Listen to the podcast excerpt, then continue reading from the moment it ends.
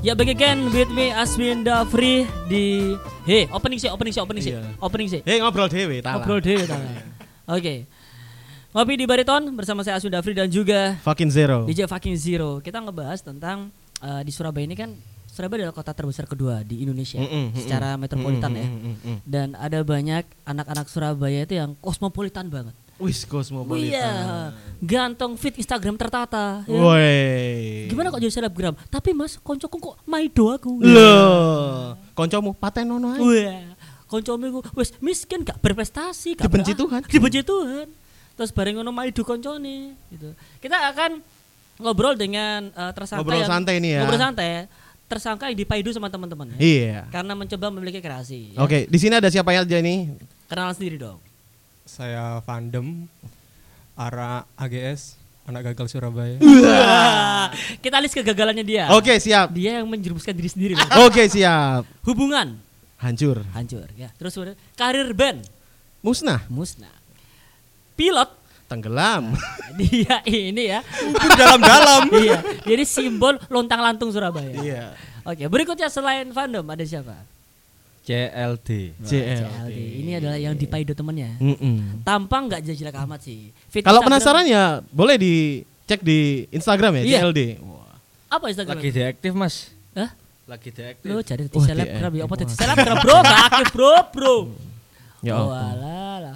Ya kocok sing maido ya salah, dek Iya. ngene. Dek dek enggak duwe pendirian. Iya, gak masuk. Wis Ya tak bubar tak podcast ya. Assalamualaikum.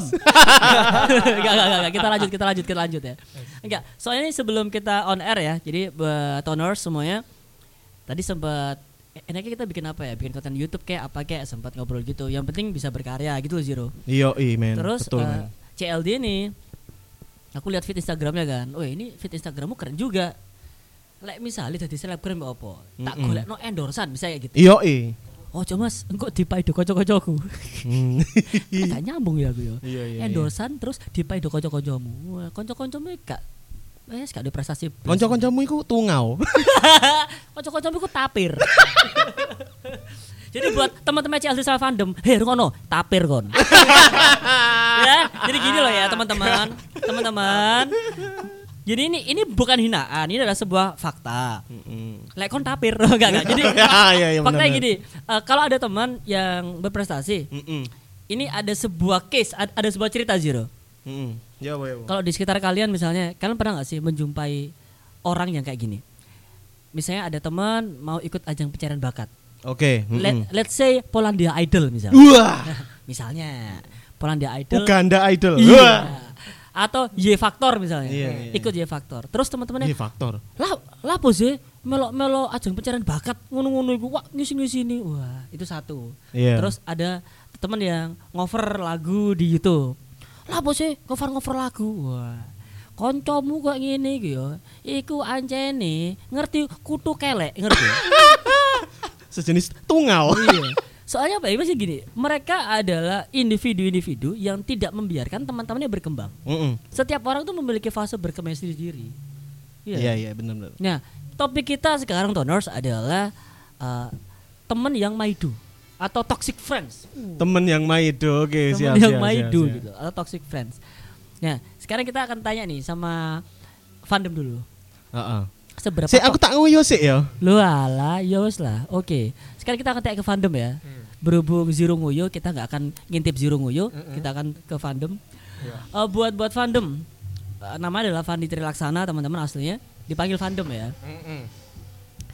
Seberapa sih eh, kamu pernah merasa kok teman-temanmu itu nggak support? Soalnya bukan berarti teman-temanmu jahat jelek enggak, enggak. Mungkin teman-temanmu memang asik buat nongkrong Ya. saja. Ya mungkin memang apa ya?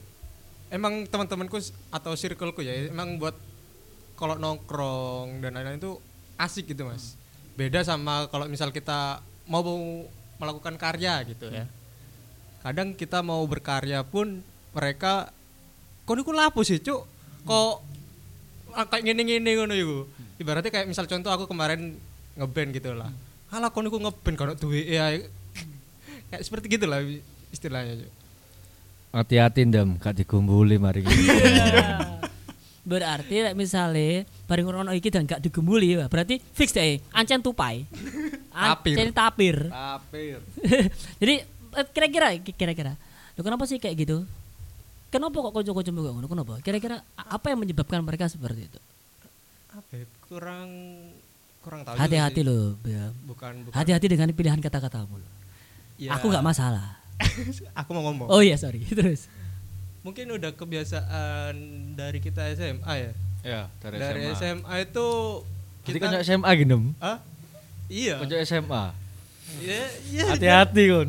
Aku gak nyebut SMA lo bro, bro. iya memang kebanyakan mungkin kita dari SMA itu kayak mau melakukan apa itu kalau ndak satu tujuan itu bakal dipaido Oh.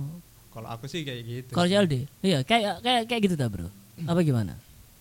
Eh, kalau aku sih lihatnya itu ini sih, mungkin karena mereka itu kurang kurang bermain sih.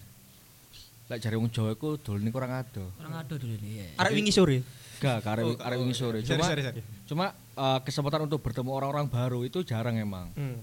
Jadi ketika ada hal yang baru di fase-fase eh, umur berapa berapa gitu, mereka pasti kayak canggung gitu kan. Iya. Dan mereka nggak bakal keluar dari zona nyaman, sehingga membuat kepribadian yang Ya, seperti itu. Hmm. Jadi karena mereka keluar dari apa? Karena mereka takut keluar dari zona nyaman. Mm-mm. Akhirnya kalau ada teman yang keluar dari zona nyaman, mereka maidu, bisa Yap, kayak gitu. betul. Oh, oke oke oke. kurang Pad- lebih seperti itulah Padahal kalau dipikir-pikir, saya tahu Surabaya ini ada ada ini tahun 2016 itu Saya- saya- tapi tapi itu bukannya ancene guyonane arek Surabaya koyo ngono sih Mas Iya. Iya kan? Loh, kamu nggak bisa bilang kayak gitu karena kalau kamu bilang kayak gitu berarti itu adalah penyebab yang menjadi Surabaya gak maju-majuan.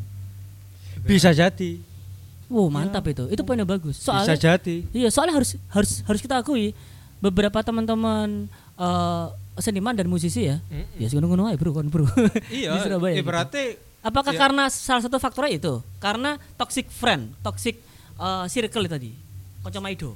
ada yang kayak gitu juga. Mungkin ada keluar topik, mungkin ya karena apa ya? Kurang support dari yang lain aja gitu loh, Mas. Mak- mak- Apa itu support apa, itu? Ya ibaratnya kalau kita kayak tadi lu berkarya gitu. Itu terkadang orang tuh masih ada yang nyelatu gitu gitu loh. Ya gak apa-apa terus terus terus. Jadi buat yang tahu ekspresi fandom saat dia bilangnya tuh dia takut dia salah ngomongnya lagi. Iya. Ya, Tinggal dia aja. ragu-ragu. Enggak apa-apa, los aja kan karir bermusikmu habis. Jadi mumpung dia belum menempuh karir di podcast, habisi sekarang. Mungkin bisa eh, dibahas dari band-bandan. Iya gimana sih? Pertama, soalnya sebenarnya Kan ini Mas Fandi kan musisi nih, Asik. musisi asli Surabaya. gitu. Ya, ada ceritanya Sidoarjo. Oh, Sidoarjo. Kak, kon niku nang pringsilane. Eh, apa perbatasan nih? tidak aku saya beri silan dulu. Tidak aku tidak saya nggak mau Cak. Oke terus terus terus. ya apa ya ibaratnya kayak mau mengekspresikan keluar tuh orang tuh udah ngejudge dulu. Don't judge. Ya. Lagunya Sal Kayak Project. lagu DE, don't Hmm, judge sih. Itu salah satunya. Yang- Mungkin aku mau iya. berkarya kayak gini, berkarya kayak gitu, orang udah paidu duluan. Itu Biasanya iku maidone apa? Medone. Wah, kape nang direk. Heeh. Lo apa gak jelas? Oh niku ben-benan koyo ngene ae. Ono duwike ta ning ngono. No, biasane kayak gitu. Nah orang yang bilang kayak gitu ada duitnya tak? Ya iya sih. itu mungkin kadang kan bisa ganggu mental kita yang mungkin baru mulai karir tuh loh. Mau naikkan karir dan diserang kayak gitu mentalnya jadi kayak apa ya? Kena gitu loh, Mas. Masa sih kalau CLD, bro, setuju gak sama pendapatnya Fadel? Aku Eh, saya duwe jawaban dia sih. Kalau Enggak, CLD. kompleks sih sebenarnya mas kalau kalau aku lihat tuh nggak sekedar hanya dari sisi Mas Fandi aja maksudnya dia ngeband terus dicacat gitu kan kalau bahasa Surabaya itu dicacat. Tapi emang emang tabiat sih sebenarnya. Apalagi dari ini ya kalau kita bahas fashion gitu kan. Misal ada nih anak Surabaya pakai Air Jordan 1 gitu kan. AJ1 bahasa kerennya. Hmm. itu pasti woi kapan nang direk ngono kan. Jadi eh kemampuan apa ya keberanian orang untuk melakukan hal baru tuh kayak terbatas gitu kan. Karena mereka takut sekitar mereka bakal nyacat. Atau eh bahasanya tuh mereka nggak support Pernah dengar istilah, wes dah biasa-biasa aja dari arek. Pernah dengar istilah kayak gitu? sering mungkin itu ya mindsetnya. Kebanyakan teman-teman akhirnya mereka jadi biasa-biasa saja, jadi makan mediocre. pola. Iya, jadi mediocre. Tapi sih kalau menurut aku, em, bukannya sebenarnya itu kembali lagi ke orangnya ya. Misalnya contoh, lek kancamu Maido, kan kembali lagi awakmu em, tetap kekeh budal Iya, apa nuruti kancamu Mm-mm. gitu. Soalnya kan balik ke mentalitas orang yang di Ah, Maido benar, ya kan. benar, benar, Gitu. benar, benar. Berarti secara nggak langsung apakah Van ini mentalnya cemen? Iya. Gak gak sih, gak sih, gak sih. Cuma kan itu Tapi pernah- memang itu benar sih. eh, Gimana, gimana, pernah gimana? terjadi sih sebenarnya. Jadi emang beberapa tahun kemarin tuh emang sedikit banyak kayak mempertimbangkan pendapat teman-teman sekitar gitu kan. Hmm, Artinya hmm. setiap kita mau melakukan sesuatu itu kita mikir ini teman-teman bakal kayak positif nggak sih seperti itu. Mm-mm. Tapi lama kelamaan pada dewasa ini tuh kayak semacam Bodo ah bodo amat lah, go ahead aja lah Iya, iya. sama apa yang kita mau rencanakan seperti itu. Ya jadi balik lagi ke masalah mentalitas Iya sih. eh, khususnya teman-teman musisi di Surabaya dan sekitarnya ini sebenarnya. Kalau kalau kita lihat loh ya karena ya memang mentalitas semuanya itu se- di Paido titik ae wis ngedrop ngono. Jadi kenapa kita kalau menurutku ya kenapa kita nggak bisa berkembang? Ya karena mental kita tidak berkembang. Tapi Kalau itu, ju- menurutku. tapi itu juga berlaku dua arah jujur. Jadi gini, orang yang Maido bisa jadi karena dia adalah korban pernah di Paido.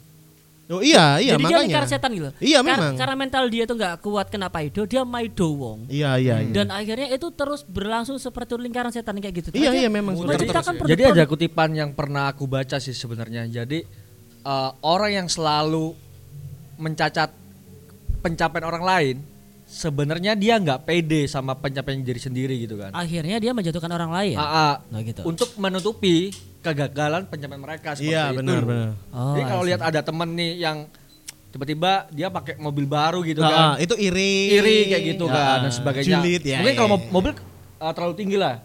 Ada perkembangan yang dari sebelumnya itu bakal dibahas sampai habis. Mm-mm, mm-mm. Ya masalah mental kan itu berarti. kan. Masalah mental akhirnya jadi ka- jadi culture. Iya jadi culture, Iya, jadi kan? kebiasaan. dan itu gak sehat loh bro jadi buat yang dengerin ini sebenarnya bukan berarti gini maksudnya eh, sebenarnya dengan dengan kalau kita dengan opening kita tadi seakan-akan kita maido wong sing maido jadi kita memperjelas lingkaran setan tersebut sebenarnya enggak sebenarnya maksud maksud kita di podcast yang episode ini adalah em, akan selalu ada orang yang iri itu satu akan selalu ada orang yang ti- tidak sependapat denganmu ya tapi bukan berarti itu bisa merubah prinsipmu Mm-mm. nah kalau semua orang berprinsip seperti itu lempeng-lempeng aja semua orang akan tetap bisa berkarya Iya dengan baik gitu. sih, tapi kan memang nggak semua orang berprinsip seperti itu. iya tapi ya jangan jangan jangan menjatuhkan orang lain lah Eh, contoh kalau aku Ya balik lagi kan itu culture. Iya, I know, I know, I know. Cuma kan punya gini, em, kalau dari perspe- perspektif kalian, CLD dan juga fandom, yang harus dilakukan kayak apa sih? Bentuk teman yang baik. Kalau misalnya kalian bisa ngomong sama teman kalian sekarang ya, atau teman yang mem maido kan kemarin, yang ah, ah. merendahkan atau mungkin menganggap enteng kalian gitu. Apa sih yang ingin kalian omongin ke mereka dan harus itu kayak apa sih? Rek, kudu ya opo harus sih, gitu gimana? Jadi eh kalau misal eh, saya tarik ke belakang 2 tahun tiga tahun kemarin lah ya, itu pasti eh, sedikit banyak yang tadi. Saya akan mempertimbangkan setiap pendapat. Tapi belakangan ini saya sadar gitu kan, eh, bahwasanya saya nggak bisa eh, memberi apa ya, memberi istilahnya anggapan orang lain ke kita tuh nggak bakal bisa baik semuanya gitu kan. Pasti ada yang minus, pasti ada yang positif dan sebagainya itu. Nah, jadi seka- yang seka- sekarang saya lakukan eh bodo amat sih sebenarnya gitu kan. Oh, Gak ngurus sangkamu cuk ngono Iya, kan. iya, iya. Aku wis nang kene, raimu sik nang kono ae kon lapo ae, Bro. Yo kan. Mm, yo, iya. Kon mek ongkang-ongkang tengah-tengah keplok-keplok dari Instagram gawe apa ngono kan. Akhirnya kayak ya wis lah gak ngurus sangkamu, kon kon nyuangkemu kok ngono, aku sendiri titik iki ngono kan. Kamu lapo ae ngono kan. Iya iya iya. Kalau iya. Vanem, apa yang pengen kamu sampaikan ke teman-teman musik Maido? Kamu? Ya wis lah, lereno nong maido. Iki wis tuwek wek. Wis ngayane ngurusi urip dhewe-dhewe. Durung tentu uripmu bener. Wih. Anjing. Deep. Spesial untuk episode ini ya. Aku akan kasih back sound Don't Judge-nya Soal Project. Oh, ya nanti kita pasang ya, kita Pasang. pasang. Siap, siap, siap, siap. aku pasang serius ini bener. Jadi buat yang nggak tahu ya, itu ntar liriknya bisa dicermati di situ ada curahan hati dari fandom sebenarnya. Iya, Iya. iku lagu-lagu DE ya toh. Iya. Ngarang-ngarang DE dhewe. ya, Makanya dari dulu aku gak seneng sama orang-orang sing sebenarnya tukang maido kayak gitu tuh agak kurang sih aku. Padahal awakmu senengane Maido. ya apa ngono iku. Iya. tapi tapi tapi Tapi tapi Maido ya apa? tapi tipikal fandom Maido bukan karena dia itu nggak support, Hmm. tapi emang panas saja di Paido gitu kan. Misalnya ini orang kebanyakan gaya kayak gitu. Oh, Oke, heeh, heeh. Maido Surabaya ini kayak polahe akeh, arek kira biasa-biasa ngono Nggak. meneng-meneng. pola yake tapi Nggak kan- mantes sih. Hmm, Nggak mantes sih. Nggak dulu. mantes sih. Kelakuannya gak ono. Gak Pak. masuk, gak masuk. Nggak mantes sih, Cok. Jadi kalau kalau bisa kalau bisa di split tuh eh macam-macam perpaidoan gitu kan. Iya. ya kan? Ada nih yang dia eh, Maido cuma eh, emang panas di Paido. Artinya eh, bukan yang bukan sup- eh, kita tidak support teman-teman kita, tapi emang ada sendirilah seperti itu. Jadi beda beda konteks gitu kan. Itu yang dilakukan oleh fandom. Paidonya ini memang dalam koridor Ancanis pantas di Paido bukan berarti menjatuhkan Paidonya itu real gitu ya. real, kan? real gitu. kita membahas tentang perpaidoan du- du- duniawi Dunia, iya, perpaidoan duniawi iya. oke eh, apa gini deh apa misalnya kalau misalnya kita bisa aku ngerunut dari orang awam ya dari kacamata orang awam lebih tepatnya dari kacamata orang awam Surabaya kalau kita ngelihat eh, teman-teman kita di Jakarta mereka don't give a fuck sama sama apa kata orang mereka Yaps, exactly. Individualisnya tinggi Iya, individual benar Ya, tetapi eh, ada itunya, ada side efeknya yaitu adalah egoismenya juga tinggi beberapa. Iya, heeh, Yops. heeh. Kalau untuk teman-teman kita di Jogja gitu, mereka mau karya seni macam apa dibabat abis sama mereka. Mulai dari punk, pop sampai karawitan, gendang, semua itu kumpul gitu. Mereka Jadi satu. ya. mereka support, mereka Emang ada julukan kan kalau Jogja itu kota komunitas gitu kan. Sampai Iya. ada Mm-mm. movement Iya, benar. yang titik nol Jogja itu Iya. buat hari jadi komunitas kan. Oh itu gokil ya. Itu, Iya, Gokil sih benar itu sih. emang. Itu benar. Itu itu Jogja seperti itu. Kalau kita ngomongin Bandung, Bandung itu memang benar-benar Paris Van Java ya. Kita ngomongin uh, pop culture, fashion, music di sana bisa jadi industri, bisa jadi industri di sana. Iya. Pasti ada pasarnya gitu. Sekecil apa pun, senis apa pun uh, skena kamu. Tapi kenapa ya di misalnya di Jakarta itu eh, perkembangan musiknya itu cepet banget. Iya, pasti Su- Surabaya paling delay gitu kan. Iya. Nah itu maksudku. Kenapa tuh? Surabaya, Surabaya ini didekein di sini. Surabaya ini di mana? Karena kalau kalau kalau aku lihat ya, kalau aku melihat eh, Jawa Timur, Jawa Tengah, Jawa Barat gitu ya. Itu kayak tingkatannya 1 2 3 gitu. Jadi gini, Jadi kayak kalau kayak pengamatan pengamatan saya sih, Jakarta dulu nih Heeh. yang bakal mulai. di heeh, After itu Bandung, heeh, selalu baru ke Jogja. heeh. Nah, Jawa Timur itu nggak ke Surabaya dulu, ke Malang dulu. betul. Hmm, hmm. Malang udah hype, barulah Surabaya hype. baru. Gini, kalau kalau kita ngomongin tentang idealisme bermusik mungkin Surabaya menang. Benar. Idealisme bermusik ya. Yaps. Kita mau ngomongin tentang punk skena model apa, hip hop model apa gitu kan, rock model apa. Indonesia Kita eh Surabaya menang. Iya Surabaya menang. Kita bisa sampai mulai dari jam 9 malam sampai 4 pagi kita ngomongin tentang lo Axel Rocks dan cantengannya misalnya atau mungkin Tupak Syakur tahu melet sopo ngono misalnya. Kita bisa ngomongin Iya, hal iya, iya. itu gitu. Tapi jujur di lapangan, di stage eh, dan dalam segi karya Surabaya sama Malang kalah. Kalah. Kalahnya itu kita bisa bilang setahunan loh durasinya itu. Eh, kita contoh pada waktu eh, era Tapi itu kenapa? Gimana? Kalau ada pertanyaan kenapa bisa begitu? Jawabannya apa? kalau teoriku ya, Ah. kalau teoriku adalah karena Malang itu adalah letak berkumpulnya beberapa anak muda dari latar belakang berbeda-beda untuk kuliah di sana. Heterogen gitu ya. heterogen. Jadi mereka terbiasa dengan perbedaan. A- eh, mungkin mungkin aku nggak tahu mungkin teman-teman Malang yang dengerin ini bisa bener bisa nggak teoriku. Hmm, enggak Eh, juga sih sebenarnya. Untuk untuk anak mudanya yang asli Malang dengan mereka yang eh, entah berkuliah di sana atau baru saja pindah di sana itu porsinya nggak seimbang gitu loh. Beda kayak Surabaya. Surabaya dominan pasti. Surabaya dominan bum- bumi putra, Pak. Pribumi ini dominan. Dan bangga sekali like misalnya iki Surabaya banget. Oh, aku arek Manyorip, aku arek Tambak Sari, wis Surabaya cer. Hmm, hmm. Itu yang mem- Identitas. itu yang membuat mental blocking menurut aku. Jadi enggak heterogen. Ya, agree, agree. Itu itu menurut aku sih. itu Atau teoriku. bisa Gimana? dibilang di Surabaya ini masih menganut sistem senior junior mungkin? Hmm, atau gimana? Karena kalau kalau tak lihat memang senior junior itu agak Kalau di ya? kalau mungkin di musik eh, aku gini, eh, sepengetahuan aku ya, musik yang aku kenal lah skenanya mungkin. Eh, kalau di hip hop di banyak kota gitu sih. Dan di Iya ba- dan di banyak skena juga sama aja sih. Melihat Iya sih, siapa yang mungkin, berbicara. Mungkin, mungkin di Jakarta mungkin juga kayak gitu. Iya kayak Ya, kayak gitu, gitu. sih. Misalnya contoh Iwaka sama Yonglex misalnya. Iya. Yo Yonglex ngomong jelek tentang Iwaka, ya habis dia Habis, kayak, ya. kayak kayak kemarin gitu. Itu di hip hop. Hmm. Mungkin ya hampir semua kayak gitu sih Jiru. Kalau menurut aku, Hampir semua kayak gitu skena dan kota mana pun Hmm. senior junior pasti akan selalu ada. Iya. Kalau menurut aku bener itu fak, apa eh, faktor kedaerahan. Atau mungkin di Surabaya ini sudah kayak eh, teman-teman kayak misalnya contohnya musisi gitu ya. Teman-teman musisi itu kayak sudah nemu, wis aku nang kene lah enak pokoknya.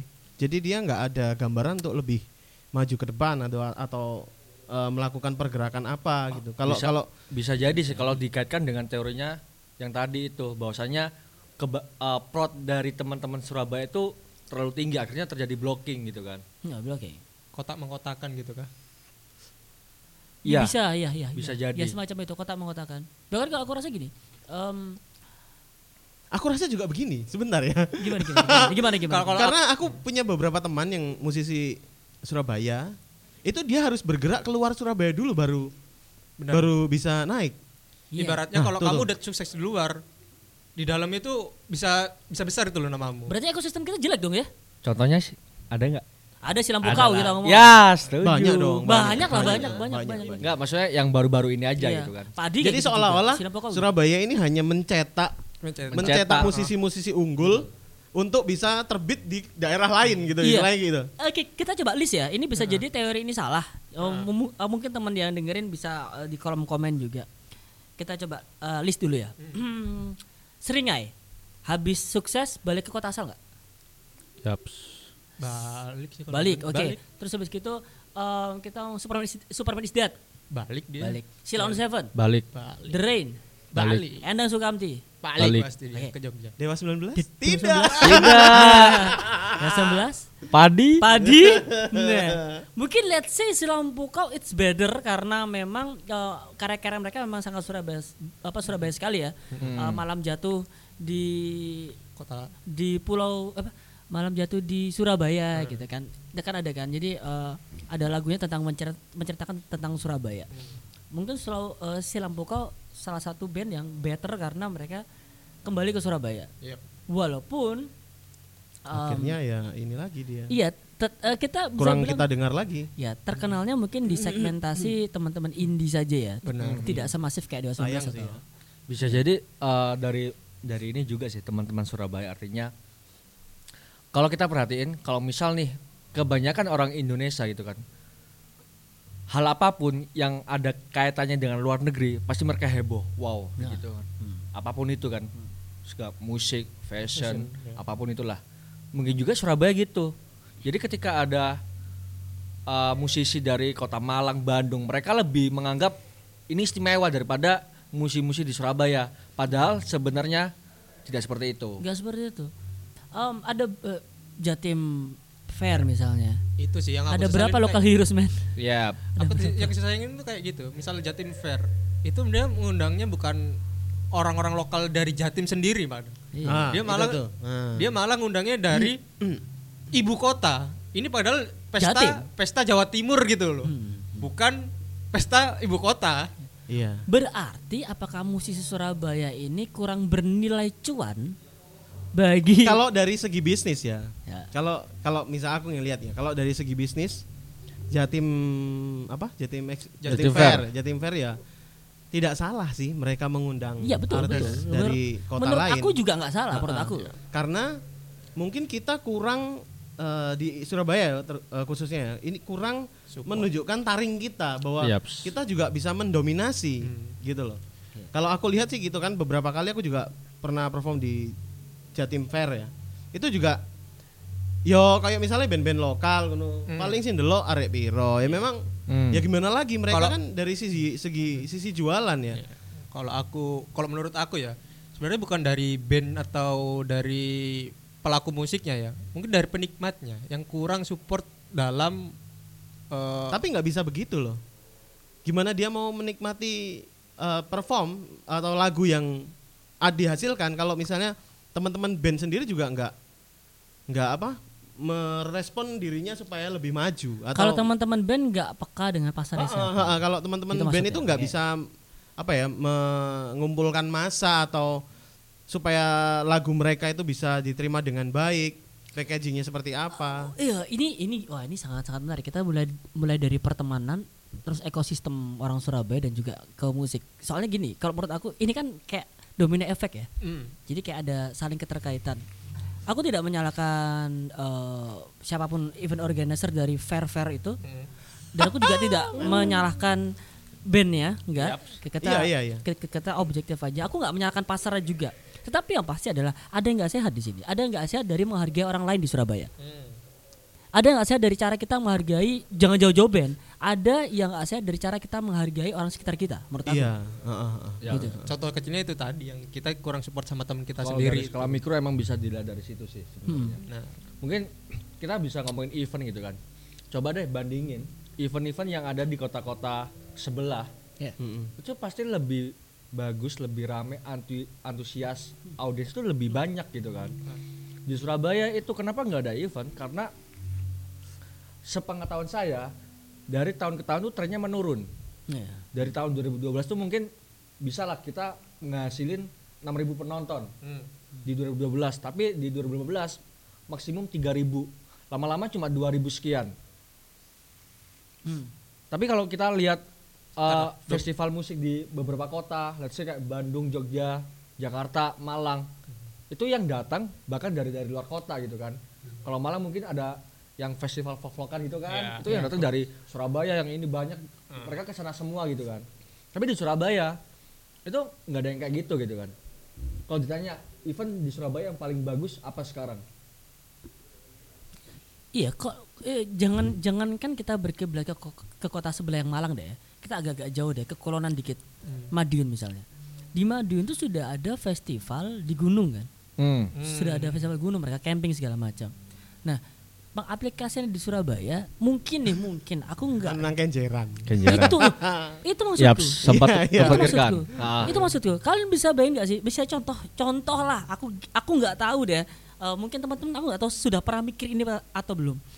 Pada saat jembatan Suramadu itu dibangun, Yaps. ya itu kan berarti ada sebuah industri yang terancam punah yaitu ada penyeberangan kapal feri. Yap. Kalau misalnya nyawa, nyawa, nyawa kapal feri kira-kira pira ya? Lek karo sponsor loro kira-kira. Terus kan membuat konser di atas kapal feri, Cuk. Dan di atas kapal feri tersebut, ya eh, eventnya let's say kita start dari jam 4 gitu. Mm. Bas gitu di apa eh, acara acara itu seiring berjalannya waktu dari jam 4 itu kan di pinggir ya. Sampai akhirnya menuju ke puncak acara itu di tengah-tengah Selat Madura sama Surabaya gitu. Terus endingnya closingnya itu ada ke- kembang api kan gatel gitu, itu bagus gitu. Yaps. Iya kan? Ah. atau mungkin gini hal- kenapa kenapa Hal-hal itu tuh termasuk gini. Kita tuh memang nggak sama kayak Malang. Kita nggak punya gunung. Ya. Yap. Mentok paling dukur nang kene iki kuku pang gunung paling dukur padahal. pakis Pakis gunung. Atau enggak ini Surabaya kan panas tuh. Iya. Bikin aja lah summer festival gitu kan. Summer Fest bisa. Kenjeran ah, juga iki. bisa gitu. oke mungkin ya mungkin Ya ini ide-ide gila aja teman-teman ya. Oke, kenapa kita nggak nggak nggak punya hal-hal festival seperti itu, ya, acara-acara seperti itu? Mungkin fasilitasnya yang nggak ada, Venue. izinnya yang susah. Nah, Oh. itu. Kita dari teman ke Itu event dia. akhirnya kita ke Pemkot nih. Iya. itu berkesinambungan loh ya. Iya, Kenapa kita nggak bisa gitu bikin kan. event yang gede-gede seperti itu? Mungkin izinnya yang susah. Ada kolerasi kan. Iya nanti betul gitu betul. kan. Itu mempengaruhi juga buat karya teman-teman Iya. Benar. Sekarang ya bisa dikatakan kita nggak punya gedung pertunjukan untuk lihat band-bandan. Oh iya. Adapun mereka pasti sewanya mahal. Iya betul. Jadi Bener. expo. Saiki duwe arek band-bandan lho piro rek, tulung lah Iya, yo. iya, bener-bener. Kon gelem ta nonton apa band lokal Surabaya bayar 200.000 kan Di Paido. Di Paido IO-nya mana? di Paido, Bro. Wis sak sak bene ku mau di Paido Oh, jancuk. oleh Maksudku lah, udah ngopo sih? Pengen tok ae 200.000. Nah, kayak gitu. Beda kayak untuk akeh, Pak. Nah, mungkin si Jatim itu tadi juga mikirnya seperti itu. Iya, iya, iya. Dia punya dari sisi eh, perizinan dia kuat, Hmm. dia bisa taruh di mana aja. Dia juga harus mikirin bahwa aku kudu ngegrab uang sak mini akene ngundang sapa enake. Eh, aku gini deh. eh, ak- aku punya teman. Hmm. Aku punya, aku punya teman kebetulan dia ini eh, ada satu di DKV, ada satu kebetulan DPRD dia. Bro, lek awakmu kurung iki ya. Gini deh. Eh, lek awakmu kurung iki aku gak ngerti sistemnya dan teknik dan teknisnya ya apa. Cuman mungkin mungkin mungkin saja berapa persen sedikit bisa jadi masukan. Mm-mm. Gini. Proyek tender Hmm. itu bukan hanya pembangunan dan taman bro yang bisa kita olah kreasi anak-anak Surabaya band-bandnya musisinya itu juga bisa jadi tender itu bisa jadi juga proyek pak kalian bisa eh, memen apa eh, kalian bisa memenangkan proyek besar dengan sponsor yang besar kalau misalnya pengolahan karya dari teman-teman musisi Surabaya itu juga bisa wait Oke, sekarang Aswin yang mau pipis, nah, gitu. Jadi kemungkinan kalau menurutku ya, mungkin ya karena soal perizinan itu tadi mungkin ya. Oke, oke. Makanya kenapa kenapa nggak kenapa nggak banyak event yang kita ciptakan? Yaps. Tapi mas, eh, sepengalamanku sih sebenarnya kalau masalah perizinan gitu kan, kalau ngomong di Jawa Timur itu pasti ntar rujukannya ntar pasti ke Polda Jatim, Nah, di Polda Jatim. Hmm. Tapi kalau kalau logiknya seperti ini sih sebenarnya kalau misal Malang, Madiun dan sebagainya mempunyai event, artinya Surabaya juga bisa sebenarnya gitu kan. iya bisa. Apalagi bisa. kita uh, ibu kota gitu kan. Dari segi keamanan terus kemampuan masyarakat Mm-mm. untuk membeli sebuah tiket event itu juga lebih besar daripada kota-kota sebelah. Tapi uh, kalau dari pendapatku sih sebenarnya lebih ke antusias warga Surabaya itu emang kurang gitu kan. Kenapa bisa kurang? Nah, itu Ya itu tadi itu pertanyaan yang selalu eh, aku pikirkan selama beberapa tahun eh, waktu mendalami di dunia event gitu kan. itu yang aku bilang tadi mungkin eh, apa ya salah satu pelaku musiknya tuh bukan tidak salah. Yang yang salah itu kayak kita tuh kurang support dari Antusiasme antusias gitu. dari warga sini sendiri itu dari teman-teman sendiri pun mungkin ya teman-teman kalau misal kita bikin event mungkin ya teman-teman kita aja gitu loh. Yang lain ini apa sih? Nggak event apa sih? Mungkin ya, ya cuman satu komunitas aja yang datang gitu loh. Kasarannya gini, waktu tahun 2012 2011 2012 lah ya itu waktu zaman-zaman banyak banyaknya gigs di Surabaya, Gigs di gitu Surabaya. kan. Setiap ada gigs, itu acaranya siapa? Oh, golongan iki. Wis kesate kok lah apa cuk golongan iku betul lagi nih. Itu emang bener-bener ada gitu kan. Antara eh, apa ya komunitas A dengan komunitas B itu emang bener-bener kalau misal komunitas A bikin event, dia nggak bakal bakal komunitas datang. B dia nggak bakal datang. masih mengkotak-kotakan Masih mengkotak-kotakan gitu kan. komunitas dia itu. Itu kalau kita bicara 10 tahun yang lalu lah Iya. gitu. I- Sampai sekarang. Kayak gitu. Iya. Eh, mungkin di kota lain mungkin juga ada seperti itu, Bro. Iya, tapi mungkin eh jumlahnya mungkin nggak sesignifikan di Surabaya sih sebenarnya. gitu. Kenapa bisa signifikan di Surabaya? Gimana? Menurut kamu gimana? Kalau di Lek aku ya, Ah. lek aku balik maneh. Ah. Eventnya kurang. Eventnya nggak- kurang. Eventnya kurang. Oke. Oke lah boleh kamu bilang eh, komunitas ini bikin event ini tempat-tempat ini. Cuman mereka nggak punya event besar Oke. yang bisa kayak misalnya Hammer Sonic kayak gitu. Nah, mungkin ya. Seca, seca- dari set promotor, Mm-mm. kalau aku punya duit banyak gitu kan. Pasti aku bakalan nyari kota yang mempunyai potensi yang besar. Sebenarnya kalau event pun juga balik lagi. Sebenarnya. Kalau aku ya, Hmm. Kalau event pun balik lagi. Iya. Siapa lagi guest star-nya itu? Gini bro, aku sebagai pelaku seni ya. Yaps. Kenapa kita, kenapa eh, investor nggak mau bikin acara di sini? Ah, Pertama memang minat kurang. yaps, setuju. Poin Kenapa bisa pertama ya. kurang? Ah, Karena kita jarang bikin event. Oke. Ya. Yang kedua, izinnya susah meskipun duitmu banyak. Oke. Ya. Kenapa izinnya susah? Karena kita nggak pernah bikin event. Ada orang dalam. Karena kita nggak punya nggak punya Yap, tempat Saps. bikin event. Akhirnya Seandainya kita akhirnya membentuk behavior gitu ya. iya, akhirnya bikin ini sendiri dia. Apa Oke. kayak eh, segmen sendiri, sendiri, oh ya. lingkaran sendiri. Coba kita misalnya kita berkaca di Malang, Hmm. di Malang, di Bandung, di Jogja, itu tempat pagelaran event tuh banyak sekali. Dan di mana-mana. banyak kan? sekali di mana-mana. Jadi saat investor mau bikin event, mereka sudah terbiasa dengan event. Oke. Berarti kalau bisa ditarik kesimpulan adalah bahwasanya kalau kita mau merubah culture itu di Surabaya, itu berarti berangkat dari warga Surabaya dulu. Iya, kita pertama. bikin event yang banyak. Gitu loh. Kita bikin event yang banyak. Oke.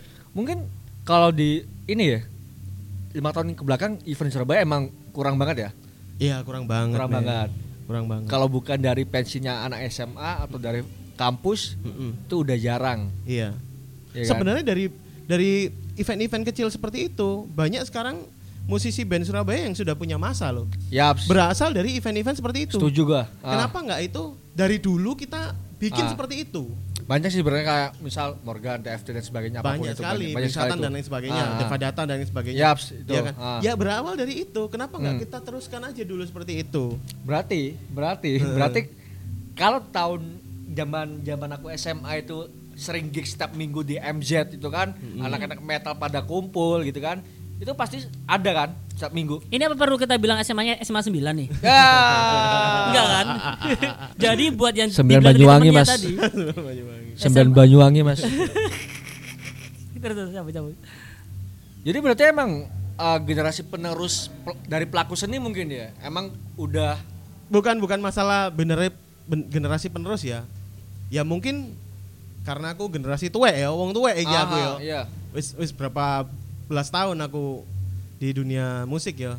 Lah tak delok memang kita cari tempatnya susah. Iya. Pada intinya cuman itu. Venue itu lah tok. ya. Mm-mm, kita cari venue-nya Venue. susah. Grand City 50 juta parkiran. Perizinan juga susah. 2000 berapa itu sekarang Gimana kita tahu. mau membentuk sebuah culture teman-teman yang doyan event? Gimana caranya? Kita nggak punya event soalnya. Hmm. Jadi ya tidak tidak bisa dipungkiri bahwa para investor yang mau bikin event di Surabaya mending mereka dengerin apa ini datangin inilah, datangin band-band yang Aku ada dua statement ini. Statement pertama, kita tunggu aja semoga alun-alun Surabaya kalau jadi Bu Risma benar sesuai dengan konsepnya dan eh, wali kota setelah Bu Risma itu bisa meneruskan konsep beliau akan Semoga. menjadi ya, akan menjadi pusat Amin. musik ya. Iya, iya, benar, itu satu. Terus Iya, benar. terus yang kedua, ada faktor eksternal di sini sebenarnya, Bro. Di luar faktor teman-teman Surabaya. Menurut aku. Pertama adalah apa sih yang dicari dari sebuah event itu selain cuan ya? Adalah eksistensi. Mm-mm. Ya. Internet orang kalau di YouTube sudah dapat atensi untuk apa mereka mencari atensi di gigs. Iya. Internet itu change everything menurut aku. Iya sih, betul. Ya akhirnya itu juga jadi Gitu kan. faktor yang Jadi kita kayak dikepung gitu sih. Heeh. Luar dan dalam. ya karena ya ya apa ya an- ancen salah kaitannya ya jadi kenapa kita nggak punya uh, teman-teman yang event culture gitu yang setiap event ada itu mereka pasti rame-rame datang ya kalau menurutku memang karena itu tadi Takut- terlepas dari zaman sekarang loh ya Iya, iya. Ini ada yang ada YouTube dan lain sebagainya like menurutku memang kita memang kurang bikin event Berarti variabelnya kalau bisa di split ini ya. Masalah birokrasi lah ya. ya Venue. Mm-mm. Terus emang orang jarang berkarya untuk membuat Iya. ev- sebuah event yang Iya, bagus. heeh. Yang mungkin Surabaya itu haus akan sebuah kekreatifan Iya. masyarakat betul Surabaya sendiri betul gitu ya. sekali heeh. Oke, jadi emang berarti emang Surabaya itu kompleks mungkin ya. Dan akhirnya mem- kompleks. membentuk sebuah ekosistem tidak bisa menghargai karya dengan baik. Heeh. Oke. Akhirnya skala mikronya kayak kayak gitu skala mikronya. Terbentuknya adalah masing-masing dari individunya kurang bisa menghargai karya dengan baik, termasuk karya teman sendiri akhirnya. Iya. Kan balik lagi ke ke, ke awal tadi topik kita. Ah, Jadi yang Maido tadi aku rasa mereka juga korban, mereka bukan pelaku sebenarnya. Betul. Mereka adalah korban dari ekosistem kita yang kurang yang sehat. kurang sehat Gitu. betul kembali lagi ke birokrasi Iya. Akhirnya kebanyakan Maido nggak bisa berkarya sendiri. iya kalau aku ngelihatnya sih kayak gitu kayak misalnya zaman dulu kita bisa pakai ada gedung Cak Durasim ada balai pemuda Pemuda. ada Gelora Pancasila. Gelora Pancasila ada karena banyak teman Basra, eh? Oh, Basra. Legend, Yoi, legend. yoi, Hanya bro. 10 juta, jaminan 5 juta sudah bisa membuat event. Ya. Sekarang puluhan juta, Bro. Iya. Lapangan Yamaha masih bisa dipakai nggak? Oh tidak Masih, bisa. tapi tidak susah bisa. ya? Susah. Susah Bahkan banget. sekarang nggak bisa. Karena? Selain Yamaha. Oh iya. Oh, benar. itu jadi akhirnya menjadi Itu venue untuk tidak mereka sendiri. disewakan bro. Venue untuk mereka sendiri berarti. Yoi bro. Oh, Kalau mau nyawa ya di Yamaha. Iya, gitu. Jadi ya, ya ya mungkin karena kita tercipta di culture yang seperti itu. Kurang adanya Susahnya. eh, kurang adanya wadah lah ya. Betul. Makanya saat dulu ya kita bicara 10 tahun yang lalu lah. banyak sekali komunitas musik men. Iya, Banyak. Banyak sekali. Banyak. Sekarang ke mana mereka? Kita kalau Jadi anak latar. Iya. Tahun 2007 aja, 2007 lama banget ya. 2007 aja. Kita ngomong ini anak uh, hip hop dan Iya, juga anak punk side by side di Basra ini. Satu di Iya, Gametan, heeh. satu Oh, iya. di MCD di McDonald's. Dan dan mereka biasanya habis pulang dari eventnya mereka masing-masing. Ah. Bu event ikut nang Gelar Pancasila, bu event ikut nang di gitu. Terus habis gitu uh, teman-teman jazz itu ada korek jazz itu ada Oke. di Hotel Garden Palace. Iya, Cat betul. Pajamas. Cat pajamas itu. Ya. Hampir semua tempat ada event. Tahu wong iki rek. Gitu.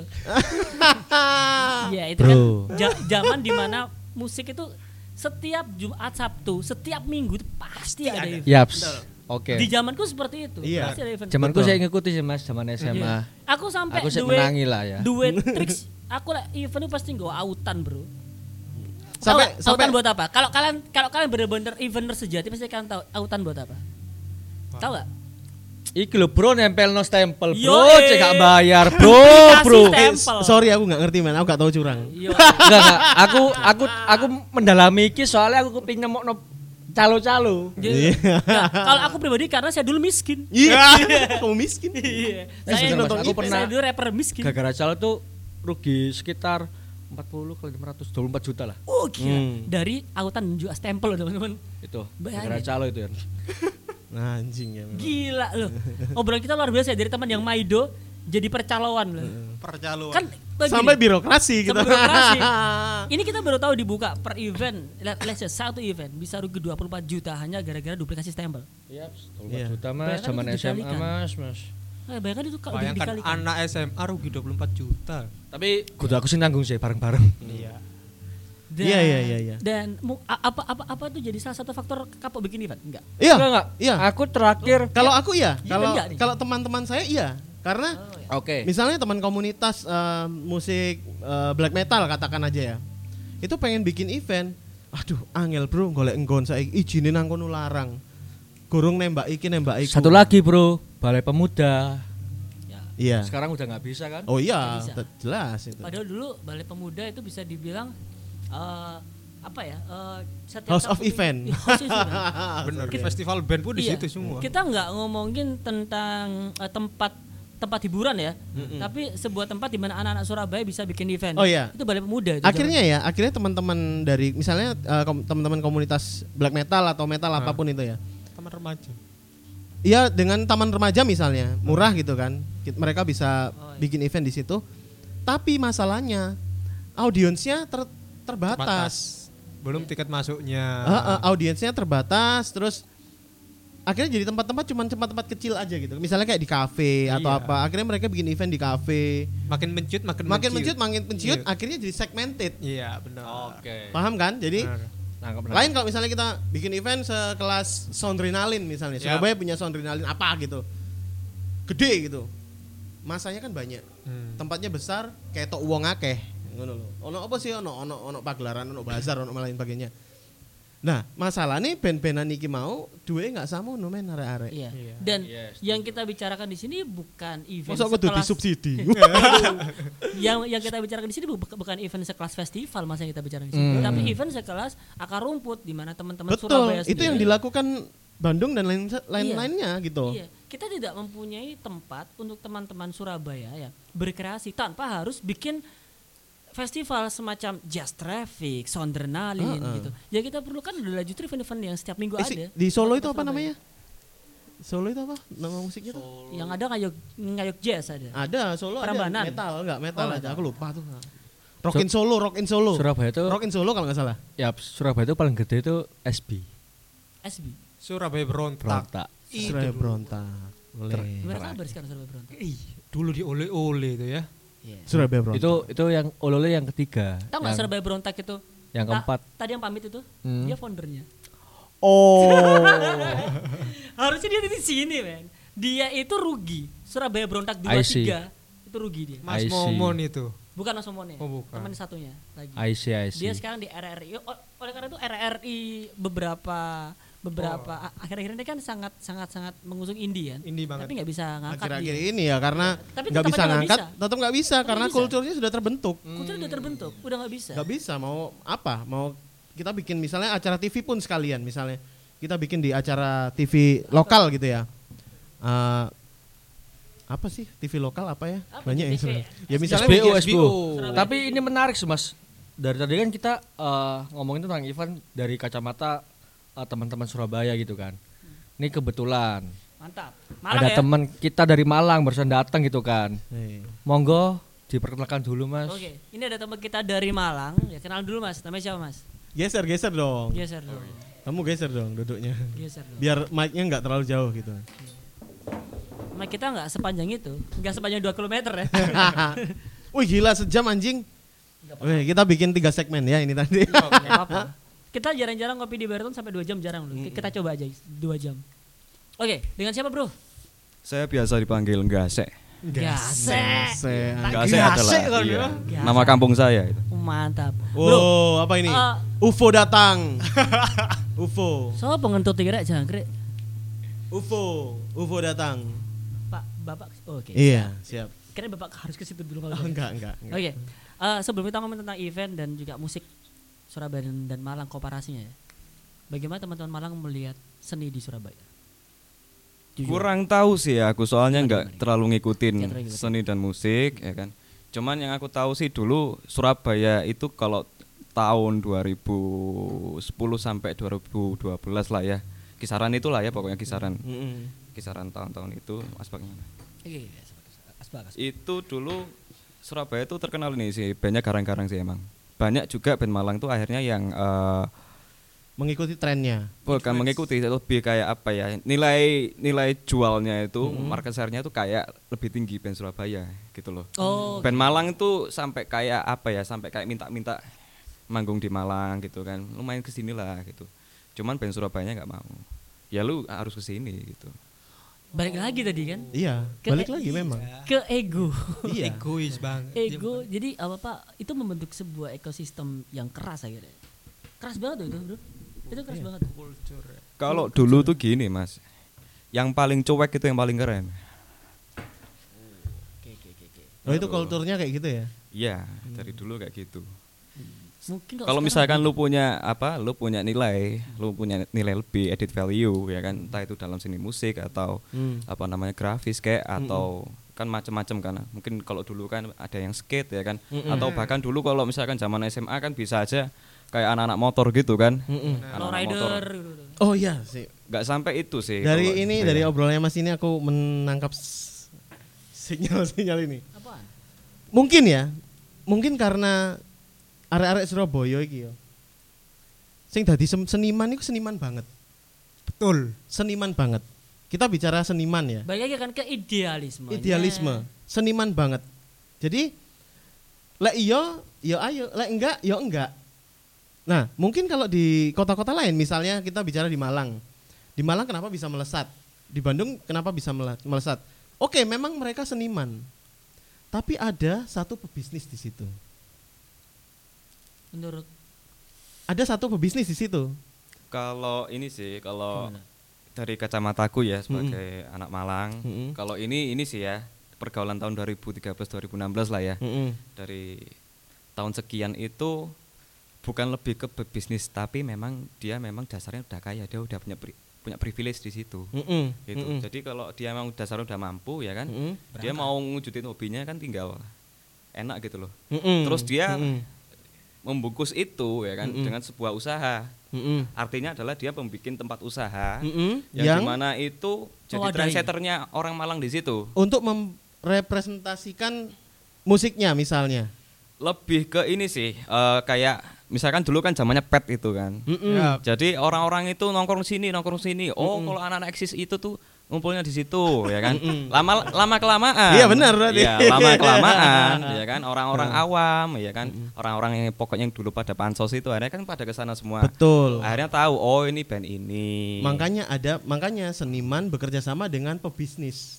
Iya. Yang kulturnya sudah bisnis dia. Dalam hal ini gini, maksudnya gini, em, kalau kalau kalau kita lihat bigger picture ya, kita kan tadi kan ngomongin tentang kultur seni dan juga musiknya ya. Tapi Ah. kalau ini enggak, ini ngomongin tentang lifestyle-nya, Bro. Iya, ha, benar. A- ada perspektif lifestyle yang berbeda banget antara Malang dan Surabaya loh di sini. Betul.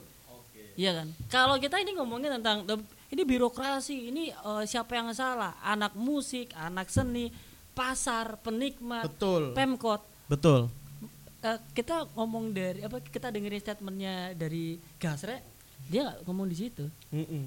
Dia Gasek. perspektifnya. Gasek. Oh Gasek, Ah, sorry. oke, iya. Without Dari- R. Oh yes, sorry. Susah amat sih. Gasek. Jadi eh, perspektifnya dia itu dari lifestyle-nya. Jadi kalau misalnya misalnya lifestyle-nya mengikuti iki iki sing keren, Rek. iki kudu keren, Rek. Otomatis produk yang dihasilkan dari kekerenan itu jadi keren. Kalau kita kan enggak, iki sangar, Rek. Iki sangar, Rek. Kudu sangar cuk Surabaya. Iya, sangar toh. Kere kon, cuk.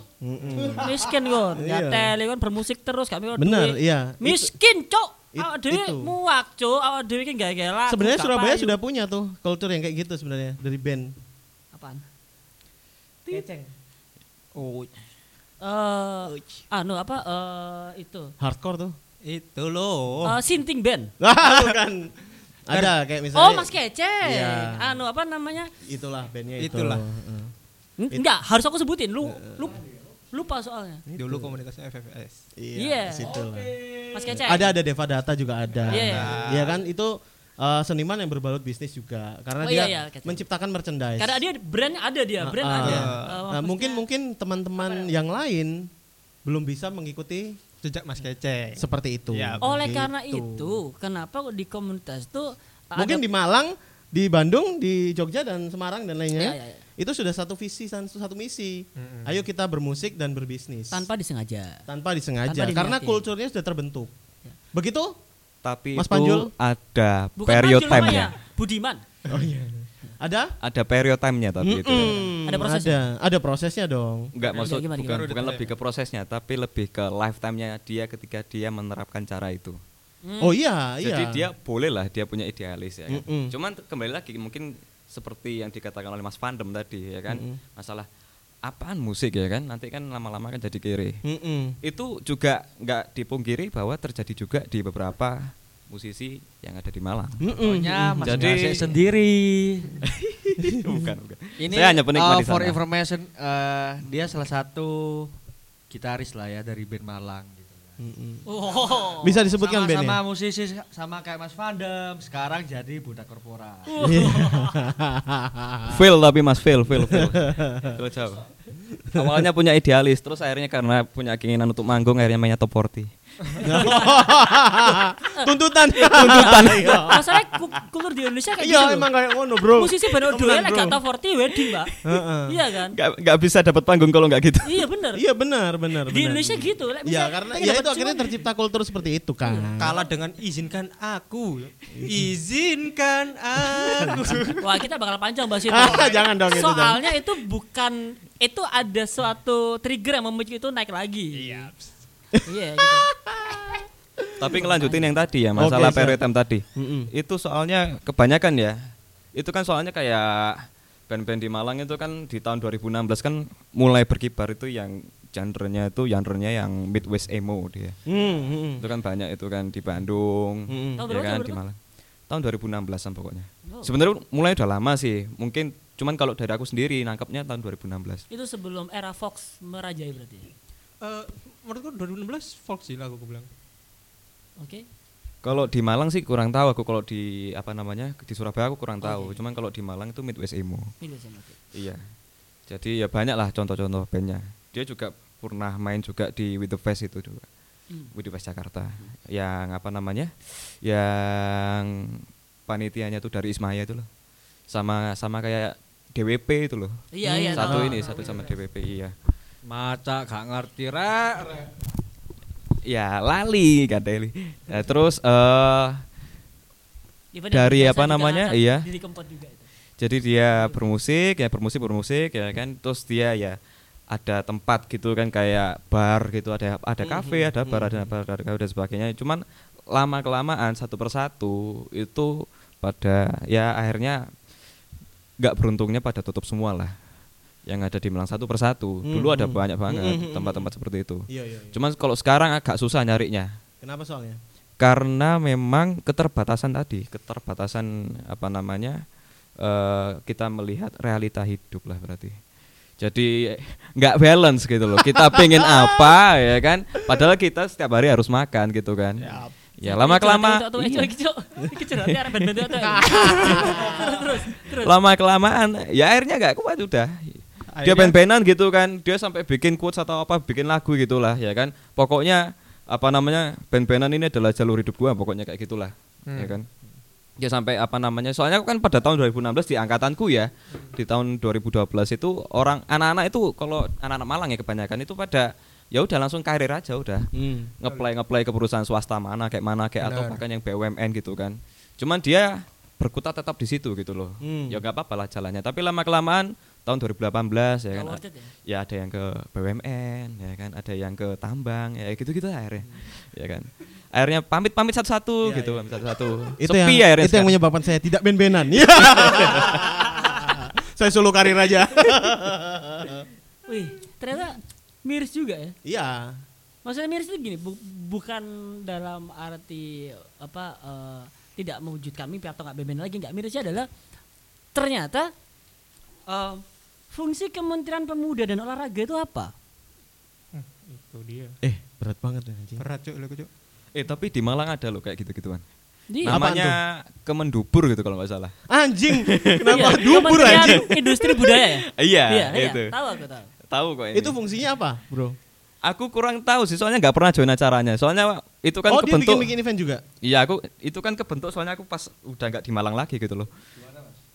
Ya posisi Uganda di, ya, Uganda ya. Ya, posisi di tempat di mana-mana orang-orang itulah Hmm. menjadi keset itulah ya. Siap, Di siap. korporat ya. Enggak, Iya, apa iya. balik, balik balik lagi ke statementku gini, Bapak eh, Kang.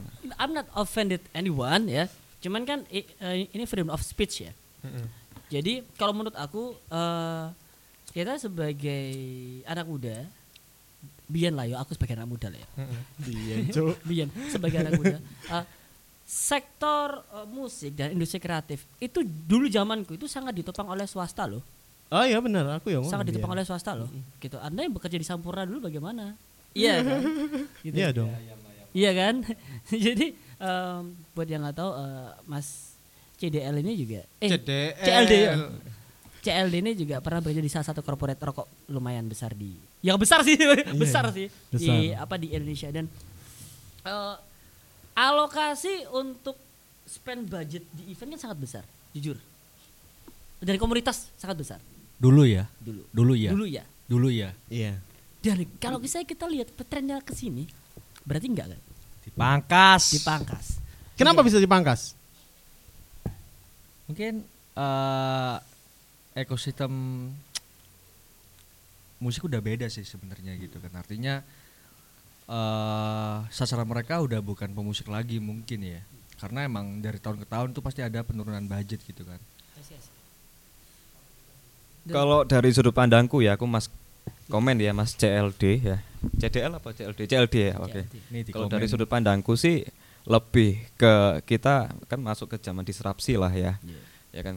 Kalau dulu semua anak aduh banget sedih banget kalau semua dulu itu kan semua apa namanya animo masa itu kan terpusat di suatu acara musik lah. Hmm. Ya kan? Karena semuanya itu waktu itu semua kan lebih asik ketika itu adalah sifatnya online offline sorry. offline off Ya air kan? lebih tepatnya Off air lah ya, off air. Oke, benar. Tapi semakin ke sini ya kan, ternyata online ya ya Kemajuan semuanya teknologi. Kan, ya, kemajuan teknologi dan sebagainya. Akhirnya kan melihat suatu apa namanya? Kayak apa ya? Kayak hot hotspotnya untuk animo masyarakat tuh terbesar ada di mana? Ternyata bukan di event-event lagi, ternyata. Oh. terlalu Salah banyak pilihan platform akhirnya orang Makanya bingung. ya Mas Javier kerja di ini ya. Salah satu online-online itu ya. anda kok nyebutin nama dia asli dong nama dia Oh ga- gasek gasek. Oh gitu. Makanya nggak mau kerja di minyak mas ya. Iya, soalnya Oh, iya. kalau minyak nanti kotor. Oh iya iya. Iya. Iya ya ya, licin ya. ya licin ya ya kita tahu lah itu ya Oke lah. Jadi eh, balik balik lagi ke aku gini. Tadi kenapa aku ngomong kok sektor swasta? Karena aku nggak tahu sekarang bagaimana. Cuman andai kata, uh, let's say um, 2011 sampai 2016, andai kata ada spend budget khusus dari let's say yang menjalankan uh, negara ini gitu untuk mengapresiasi Hmm, hmm. musik dan karya kita kita akan menjadi eh kita bisa diadu dengan negara dan bahasa-bahasa lain. Soalnya aku percaya gitu, loh, budaya adalah senjata. Eh, sekarang itu men- menjajah bangsa lain bukan dengan cara kolonialisme tapi dengan cara kultural gitu. Menjajah budaya lain. Contoh let's say ada berapa lagu K-pop yang pakai bahasa Inggris tapi mendunia. Banyak gak ada lagu K-pop pakai bahasa Inggris, Pak. Sama pakai lagu Korea. Bahasa pun- Korea. Iya, ba- ba- bahasa Korea. India pun juga sama. Gitu. Mereka mendunia dengan eh, heritage dengan budaya masing-masing. Posisi Indonesia di mana sekarang? Kita di mana gitu? Iya, kita Baru-baru aja heboh latih. kita di bagian yang tidak disupport. Iya. Jadi mungkin enggak, aku nggak mencoba menyalahkan siapa pun. Cuman poinnya adalah andai kata pada saat itu spend budget aja untuk menga- mengapresiasi karya teman-teman gitu. Sampai akhirnya era online datang, era pandemik datang. Seenggaknya ki- kita nggak jadi sebuah karena ada Malang sama Surabaya, kita nggak menjadi sebuah provinsi yang miskin akan karya Sebenarnya ya. gitu Iya. sebenarnya sebenarnya sih itu sih kalau menurut aku menurut aku menurut saya Aswin ya jadi eh, bukan menurut Zero bukan menurut yang ada di sini menurut saya Aswin Dafri gitu. Jadi eh, saya sendiri mempertanggungjawabkan statement saya. Gitu sih kalau menurut aku. Iya, boleh lah seperti iya, itu. sektor swasta yang menopang kita soalnya men. Iya. Atau kita cari investor aja. dikira gampang. Dikira gampang jadi investor. Untung-untungan ini studi podcast ada nih, gimana? Gimana Tapi salah satu apa media yang paling efektif ya memang sep- seperti ini, seperti saat kita recording ini ya memang podcast ini salah satunya memang. Makanya sekarang kan mulai banyak sekali penggiat podcast ya kan. Kalau iya. Tapi aku heran ya. Ka- Ya, ini kan ini salah satu media yang mendukung sekali ya podcast-podcast seperti ini. Tapi heran. Konco-konco ku arek ben tak ini gak gelem ya. Iya, Kan bangsat ya. Anjing kan anak-anak itu. mereka bisa melihat value ya Gimana sih? dua Kan tahun dari sekarang ya kita belum tentu membutuhkan media konvensional loh pak Itu anak-anak Surabaya, band-band Surabaya. Yang sampai sayangnya sih iya. Enggak, itu mungkin nanti nunggu podcast ini naik baru mereka akan Baru- menjalankan Kenapa dia berpikir seperti itu ya? Tapi masalahnya kita udah gak butuh mereka pas lagi naik. Iya. Ya itu tadi yang dia, kita bilang kita tuh terlalu latah Iya. menunggu yang kita booming baru Cuk. Kalau industri podcast naik, Sampai- kita gak butuh mereka, Cuk. Iya sampai aku, aku Sadar gak sih? eh, aku kan juga ada channel podcast bisa dilihat di voltase tinggi gitu. Siap. Anjing. Udah Itu masalahnya. high voltage. Cek angel ngejar arek iki lho. Ya Allah gini, oh prek si anu si sibuk iki bro, jangkrik. Padahal Wong musisi aslinya mek gacor ae lho rek. padahal musisi-musisi luar kota itu udah udah mulai bikin podcast-podcast kayak gini Betul kan. iya gila kan. Kalau misalnya kalian tidak bisa gini, kalau kalian tidak bisa menemukan corong media, kan akan membuat media sendiri. Itu kan poinnya. Mm-mm. Ya kalau kalian nggak bisa membuat media sendiri, masalahnya kita ada, kita ada di sini gitu. Kita ada di sini dan eh, kenapa nggak dimanfaatkan dengan baik? Iya Itu benar. kan poinnya. Saya Ya, ya. sayang, sayang sekali. Akhirnya kultur mereka jadi kayak gitu kan. Iya. Mikirnya kayak ngono wisan. Jadi ya apa kita mau Susah. bergerak naik lagi juga susah. Jadi buat teman-teman musisi sih sebenarnya aku mau menjelaskan masa teknis kalau misalnya kalian berharap tidak tidak bisa ngobrol di podcast tapi diundang di radio ya. Jadi gini, ini ada permasalahan teknis. Pada saat kalian di radio itu ada dua lembaga yang mengawasi setiap ucapan kalian. Pertama adalah PRSSNI, Persatuan Radio Republik Seluruh Indonesia itu satu. Terus yang kedua adalah KPI. Kalian nggak akan bisa promo eh, dengan eh kamu lupa tak aku punya program TV banyak. I- Dan iya. di countdown. Iya. Anda juga jangan lupa saya pernah jadi presenter TV mewawancara iya, Anda yang di mewawancarai saya Iya, dan di drop. dan di drop. Karena terlalu all out. Iya. Iya. Iya, cuy. anjing Iya. kan. Jadi buat teman-teman musisi semua ya, kalian tuh nggak akan bisa promo karya kalian dengan maksimal dan bisa bacot sesuka kalian kalau misalnya di media-media konvensional, gitu loh. Karena ada terlalu aturan banyak birokrasi. mainnya, betul, ada betul, ada aturan birokrasi. mainnya, ada birokrasinya gitu. Secara konvensional eh, jika pemilihan segmentasi pasar kalian tepat, it's oke, itu pilihan. Ah. Tapi kalau misalnya kalian bergerak di ranah yang uh, just be yourself, aku kape ngomong sakarapku mempromosikan cara apa mempromosikan produkku dengan caraku gitu. Mm-hmm. Kita ada itu. Set- setidaknya setidaknya kita ada the first podcast studio yang disewakan di Jawa Timur, Cok. Iya, Gitu. Cuk. Ini Jawa Timur, Cuk. Kenapa Iya, Cuk. kalian nggak mau ke sini, bangsat? Kita Anjing. kita bikin ini seminggu kemudian Jakarta baru bikin, Cok. Gateli. Jadi Dan Jakarta booming dulu daripada sini, Cuk. itu Iya, iya cok itu karena apa karena kalian tidak mensupport gitu loh jadi sebenarnya Ayolah, iya. hilangkan kulturnya seperti itu Iya. dong, guys. jadi sebenarnya untuk podcast ini sebenarnya kan juga gini loh as a business jujur aja ya as a business eh, sasaran pangsa pasar kita tuh bukan kalian para musisi sasaran pangsa kita itu adalah para podcaster, broadcaster yang eh, kesulitan untuk em, membuat sebuah podcast dengan standar yang baik gitu ya. Iya benar. As a business. Tapi as a friends, sebagai teman, sebagai pelaku seni, eh, kita tuh supportnya ke kalian gitu. Jadi manfaatkan media ini Heeh, mumpung benar. kami masih butuh kalian.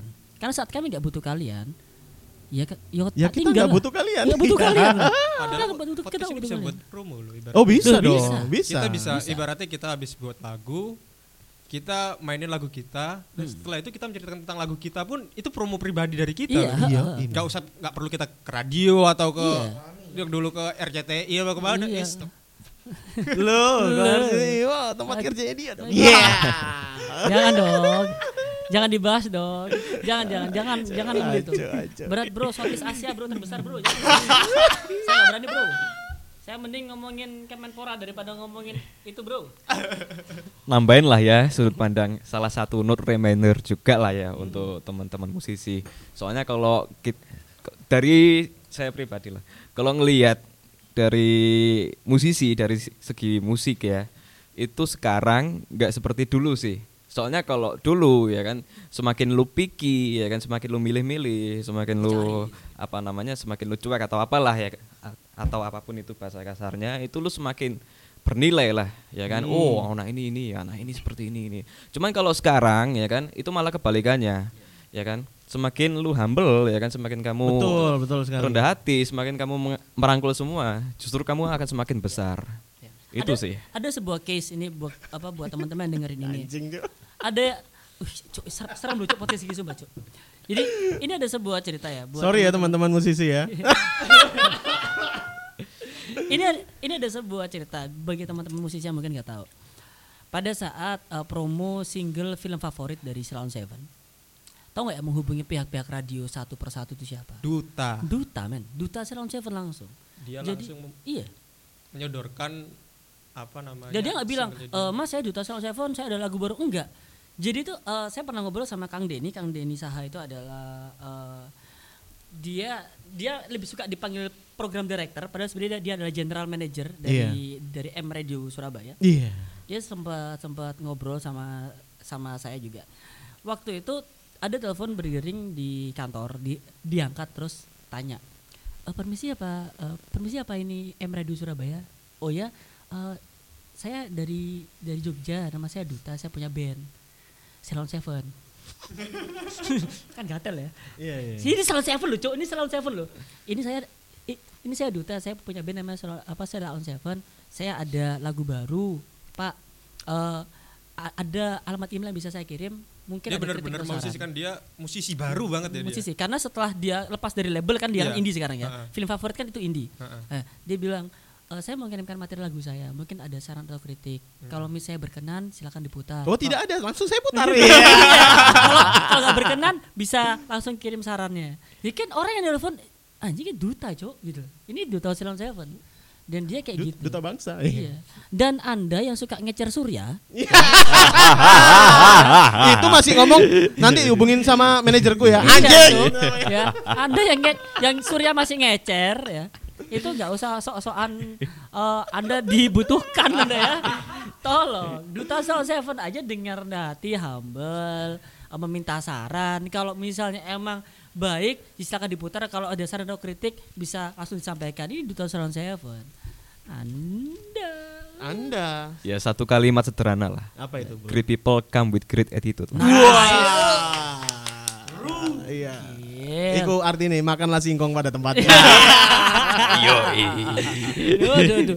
Itu artinya di dalam tubuh yang kurus terdapat tulang belulang. Iya.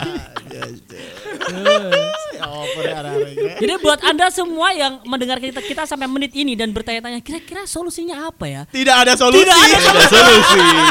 Kita cuman Gibah. gibah. Kita cuman gibah.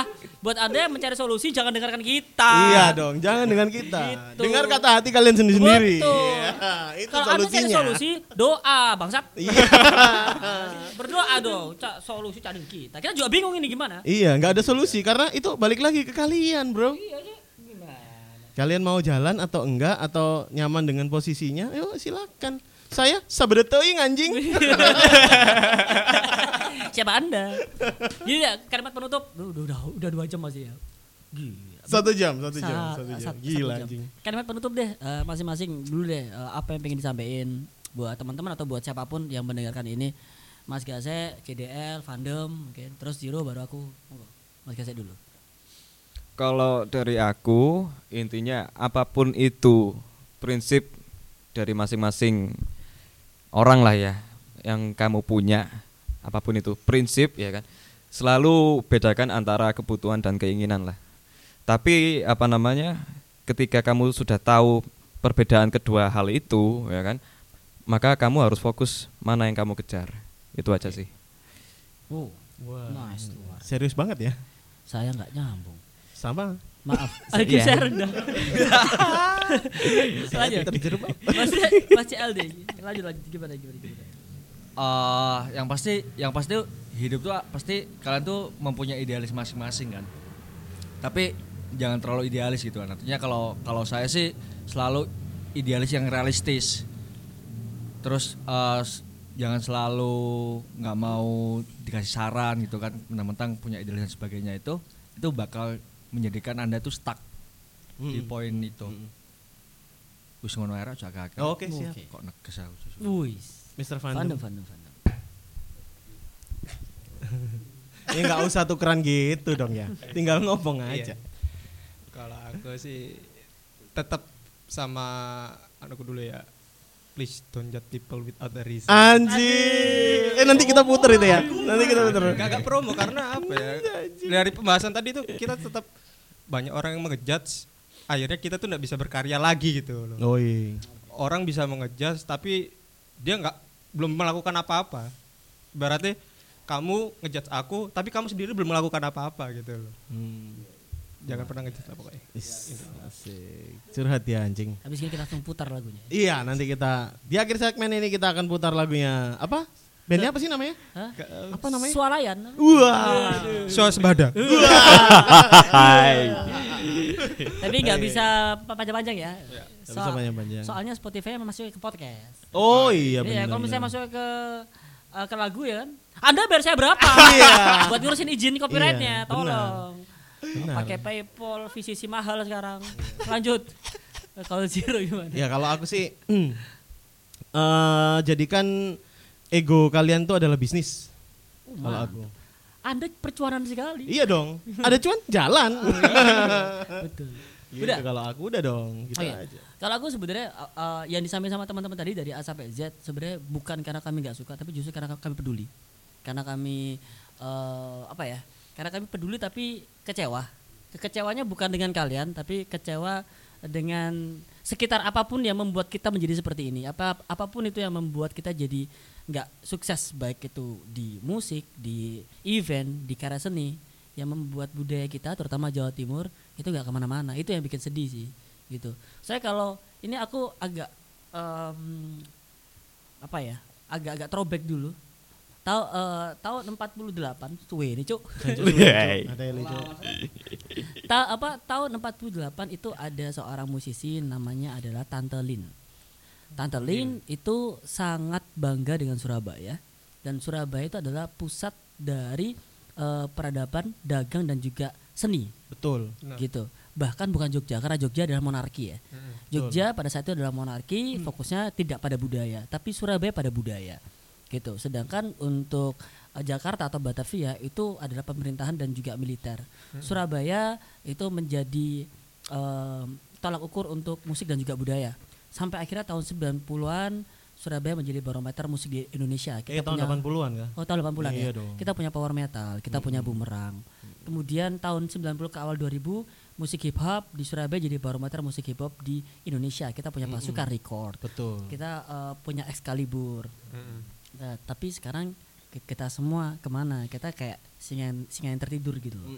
Gitu. Mm-mm. Dan apa pun itu semoga setelah podcast ini selesai dan kalian mendengarkan lagu dari Swap Project, eh, kalian bisa kayak jawaban tuh bukan di kita nih. Jawa, jawaban di diri Betul. kalian sendiri gitu. Solusinya ada di kalian sendiri. Iya. Apa yang salah ya sama kita semua supaya apa? Supaya di kemudian hari kalau kita ketemu di jalan, eh Zero, eh Aswin, eh Gasek, kita bisa dialog, kita bisa ngobrol dengan enak, bukan saling membenci gitu. Soalnya lek eh, Surabaya, Malang, sit- apa apa sidoarjo ya? Heeh. Justru jancuk-jancuk anu karo konco.